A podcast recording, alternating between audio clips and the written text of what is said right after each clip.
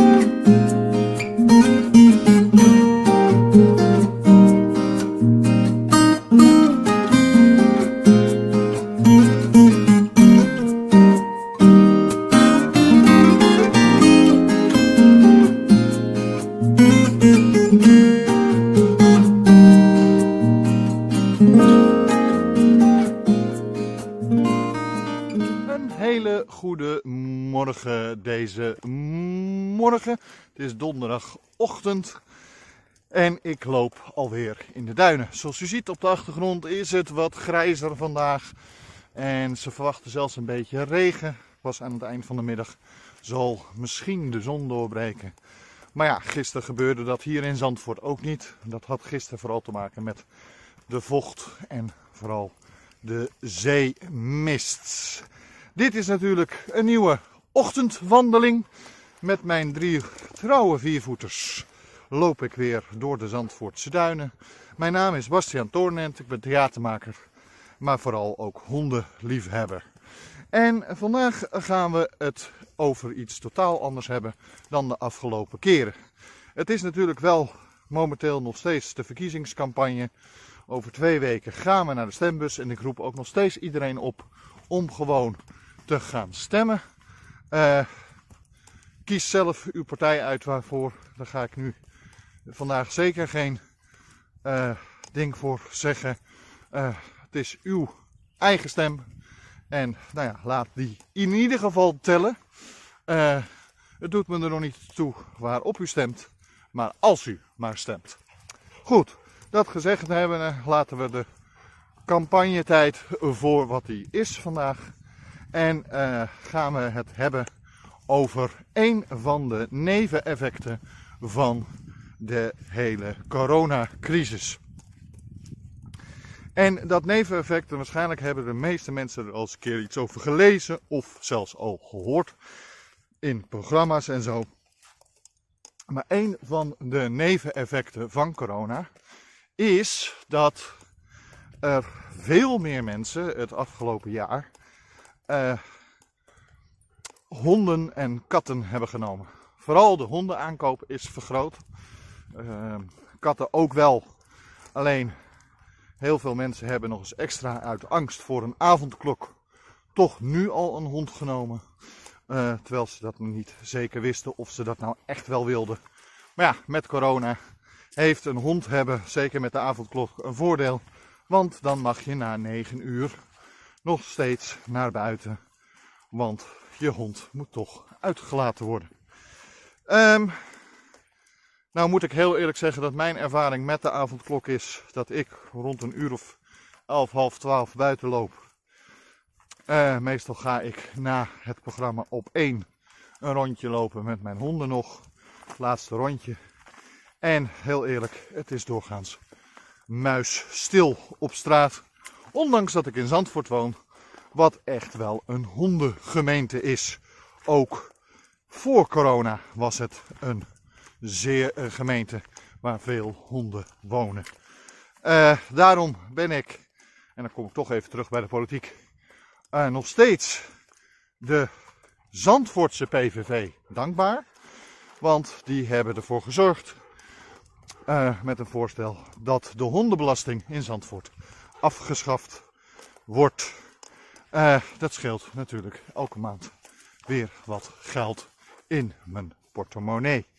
Goed, eh, maar wat is nou het neveneffect dat dus zoveel mensen een hond hebben genomen. En wat is daar nou een probleem mee? Nou ja, op zich is het geen probleem dat meer mensen honden hebben gekocht of geadopteerd eh, of uit het buitenland hebben laten overkomen. Op zich is dat natuurlijk een nobel iets. Uh, het probleem is alleen dat bijvoorbeeld de asiels aangeven dat ze ruim.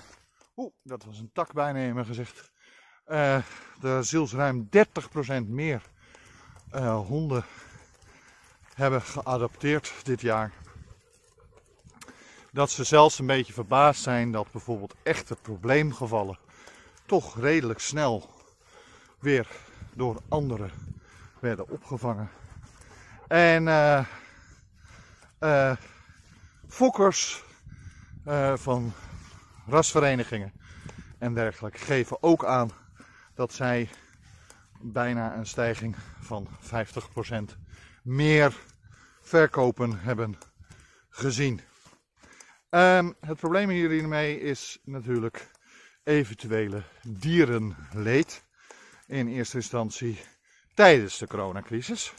Want, wat ik al zei, honden die bijvoorbeeld een rugzakje hebben.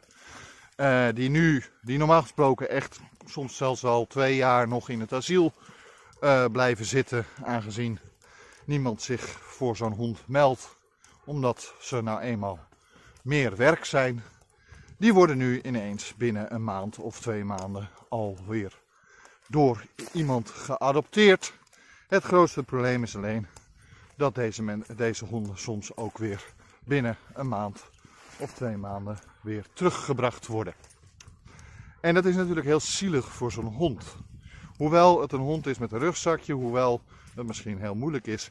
Over het algemeen zijn de asiels en opvanghuizen in Nederland heel netjes over het melden van probleemgedrag. En mocht je nou geen ervaren hondenliefhebber zijn, mocht je nou weinig ervaring hebben met training en met wat dan ook, neem dan niet een hond met een grote rugzak. Tevens geldt dat ook voor bijvoorbeeld heel veel honden uit Griekenland, Roemenië, Spanje, etc. Uh, dat is natuurlijk de afgelopen jaren heel erg toegenomen, dat soort adopties. Ik heb er altijd een beetje met een, uh, nou ja, uh, kritisch oog naar gekeken. Op zich vind ik het heel nobel dat we honden uit andere landen een goed leven willen geven. Ik vind het alleen een nadeel dat mensen van een plaatje een hond moeten kiezen. Dat is één. Twee, uh, heel veel van die honden hebben een enorme rugzak. En heel veel mensen hebben niet de tools in huis om dit soort honden echt goed te kunnen opvangen. Nou, dat gezegd hebbende, uh, even terug naar het onderwerp, uh, terug naar de huidige coronacrisis. Wat we zien gebeuren, en er zijn dus al meer meldingen van, is meer dierenleed. Honden die slecht uitgelaten worden. Honden die uh, eigenlijk uh, probleemgedrag vertonen. Maar dat of, of juist meer wachten op consequent gedrag van de baas. Of juist een zachtere hand, maar toch duidelijkheid.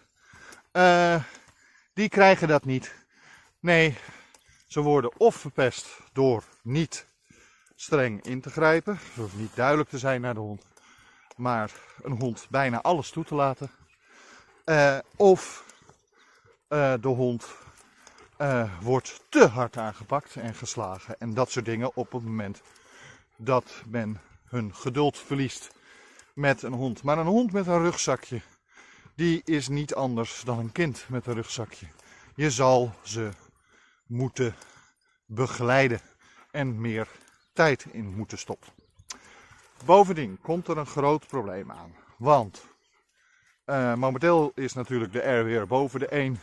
En momenteel zitten we nog wel even binnen. Maar minister De Jonge heeft ons min of meer beloofd dat vanaf 1 juni iedereen minimaal één prik van de vaccinatie heeft gehad. Wat betekent dat we in de zomer straks gewoon weer met z'n allen naar buiten kunnen. Uh, maar ik verwacht ergens dat een hoop mensen, als ze weer volledig aan het werk kunnen, weer volledig naar kantoor gaan, volledig weer naar buiten mogen, ze die hond niet meer zo handig vinden. Honden zijn namelijk veel werk. Uh, je moet minimaal drie keer per dag met ze uit. Het liefst uh, twee keer daarvan op zijn minst bijna een uur lopen. Dus dan heb je het al over bijna 2,5 uur per dag dat je met zo'n hond naar buiten moet. Ze moeten spelen. Ze moeten niet elke dag hetzelfde rondje, of nou ja, uh, beter gezegd zelfs niet elke keer hetzelfde rondje lopen. Want een hond raakt dan heel snel verveeld, want dan kent hij de route al. Als je een route neemt en je kan maar één vaste route lopen, dan is dat op zich niet een groot probleem. Als je maar bijvoorbeeld ochtends hem de ene kant op doet en de smiddags juist het tegenovergestelde kant oploopt. Dan krijgt de hond namelijk toch andere prikkels, want dan ruikt hij de dingen in andere volgorde. Vergeet niet dat een hond ten altijd dingen doet op zijn neus af. Zijn neus is een van zijn belangrijkste organen.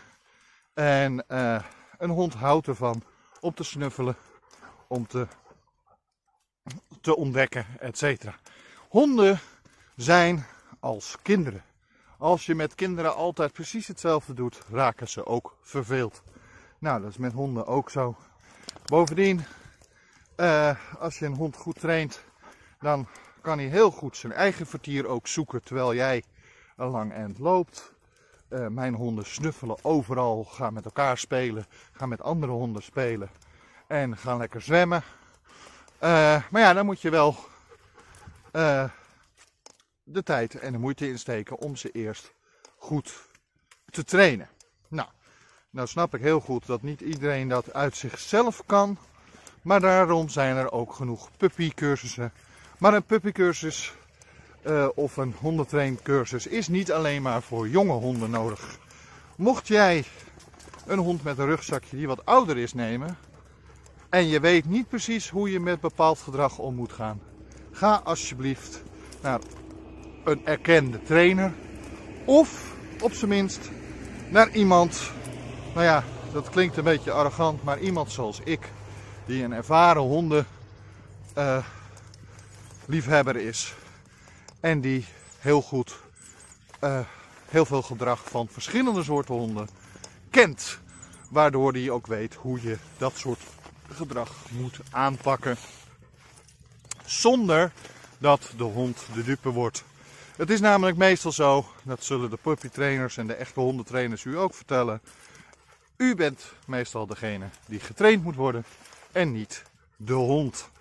Uh, u zal waarschijnlijk nog meer leren dan dat uw hond doet tijdens die training. Nou, uh, terug naar de vele extra honden die gekocht zijn en geadopteerd in de afgelopen jaar.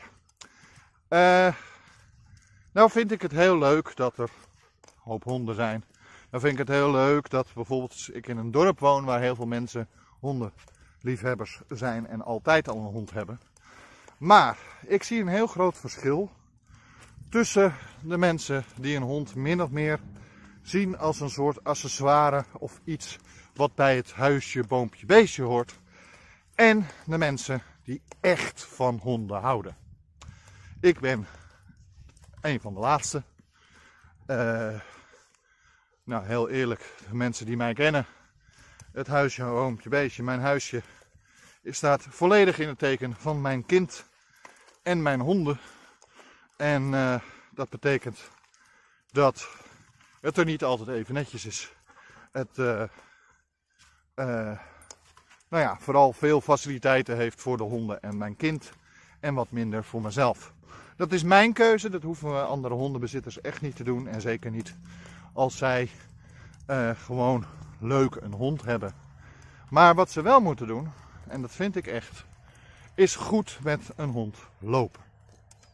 Heeft u nou een hond genomen omdat de corona er is, uh, dan vind ik dat al als eerste een verkeerde insteek. Een hond neem je niet voor een corona. Een hond neem je en voor jezelf en voor de hond.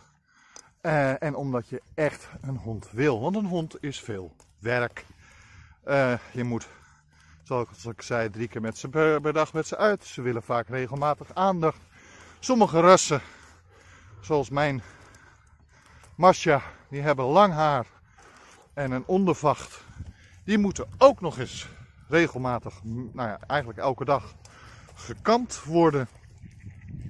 De kortharige honden moeten minimaal twee keer per week even gekamd worden. Uh, zeker in de periode dat het weer wat warmer wordt. Of juist dat de temperaturen buiten aan het schommelen zijn. Want dan zijn ze veel in de rui. Daarnaast vind ik dat een hond altijd een hond moet kunnen zijn. Uh, nou ja, ik zal straks in deze vlog nog wel een foto laten zien van Masha die bijna zwart ziet van de aarde terwijl het een witte hond is. Uh, dat vind ik niet erg. Het is wat vervelend dat je een extra keer moet zuigen in je woonkamer en zo. Maar Masha kan wel lekker een hond zijn. Ze mag van mij in het zand darren. Ze mag geen van mij in de modder uh, spelen. En ze mag van mij heerlijk zwemmen. Uh, ondanks dat haar haren dan vol met zand komt te zitten. En ze na de ochtendwandeling eigenlijk al meteen meer aan de onderkant als bruine hond uitziet dan een witte hond. Maar ik ken ook mensen die hebben een witte hond en die willen hem zo wit mogelijk houden. Dames en heren, daar is een hond niet voor. Een hond moet een hond kunnen zijn. Een hond is geen modeartikel. Tevens moet een hond nimmer opgetild worden. Ik heb een kleine hond, zoals vele mensen weten. Ik heb een kleine hond, dat is Dexter. Dat is een klein hondje. Maar ik til hem nimmer op. Hij moet gewoon weten dat hij kleiner is. Hij moet gewoon weten dat er ook grotere honden zijn. Nou ja, hij heeft natuurlijk Masha en Naila bij zich die een heel stuk groter zijn dan hem. En hij weet daardoor dat, ja, als hij brutaal gedrag vertoont, dat een grote hond het ook zat kan zijn. En hem dan even terechtwijst. Honden kunnen dit heel goed samen regelen. Zolang jouw kleine hond ook, maar zeker van zichzelf is en niet opgetild wordt. Hoe maak je een hond nou zeker van zichzelf? Door hem liefde te geven, door duidelijk te zijn over regels en wat hij wel en niet mag, en door hem te socialiseren en zowel met grote als met kleine honden om te laten gaan. Daar wordt hij namelijk zeker ervan. Dan weet hij beter hoe hij binnen bepaalde groepen staat. En dan zal hij minder snel problemen hebben met andere honden. Voor de mensen die kleine hondjes alleen gewend zijn en altijd bang zijn, ja, die grote honden bijten hem. 9 van de 10 keer ligt het ook aan uw hond. Uw hond vertoont gedrag waardoor een grote hond soms niet meer weet wat hij met uw hond aan moet. En als dan uw hond net iets te ver gaat, ja, dan krijgt hij een knauw. Als u rustig blijft op dat moment, of in ieder geval de, uw kleine hond leert dat hij het zelf moet uitzoeken, met heel veel van de ontmoetingen met andere honden, zal het in de toekomst steeds beter gaan. Goed, dat even wat opvoeding betreft. Wat ik, waar ik heel erg bang voor ben, is dat als we straks weer naar buiten gaan. En de honden die genomen zijn tijdens coronatijd uh, lastig beginnen te worden voor hun eigenaren. Dan ben ik bang dat, dat binnen no time de asiels weer vol zitten. Uh, en vol met heel veel verschillende honden. Honden die niet goed opgevoed zijn. Honden die al probleemgedrag hadden voor corona. Maar tijdens corona toch opgenomen zijn, geadopteerd zijn, omdat er niks anders was, et cetera, et cetera. Een hond wegdoen is ongeveer het ergste wat je die hond aan kan doen. En natuurlijk snap ik het. Heeft u een gezin en heeft u een, een grote hond of wat dan ook. En die hond die heeft bijtgedrag. En het gaat echt niet meer samen met uw kinderen of dergelijke. Tuurlijk, er zijn altijd situaties waarin het terecht is dat u een hond afstaat. Uh, maar een hond wegdoen omdat het niet zo goed uitkomt, dan heeft u een hond voor een jaar genomen of anderhalf jaar.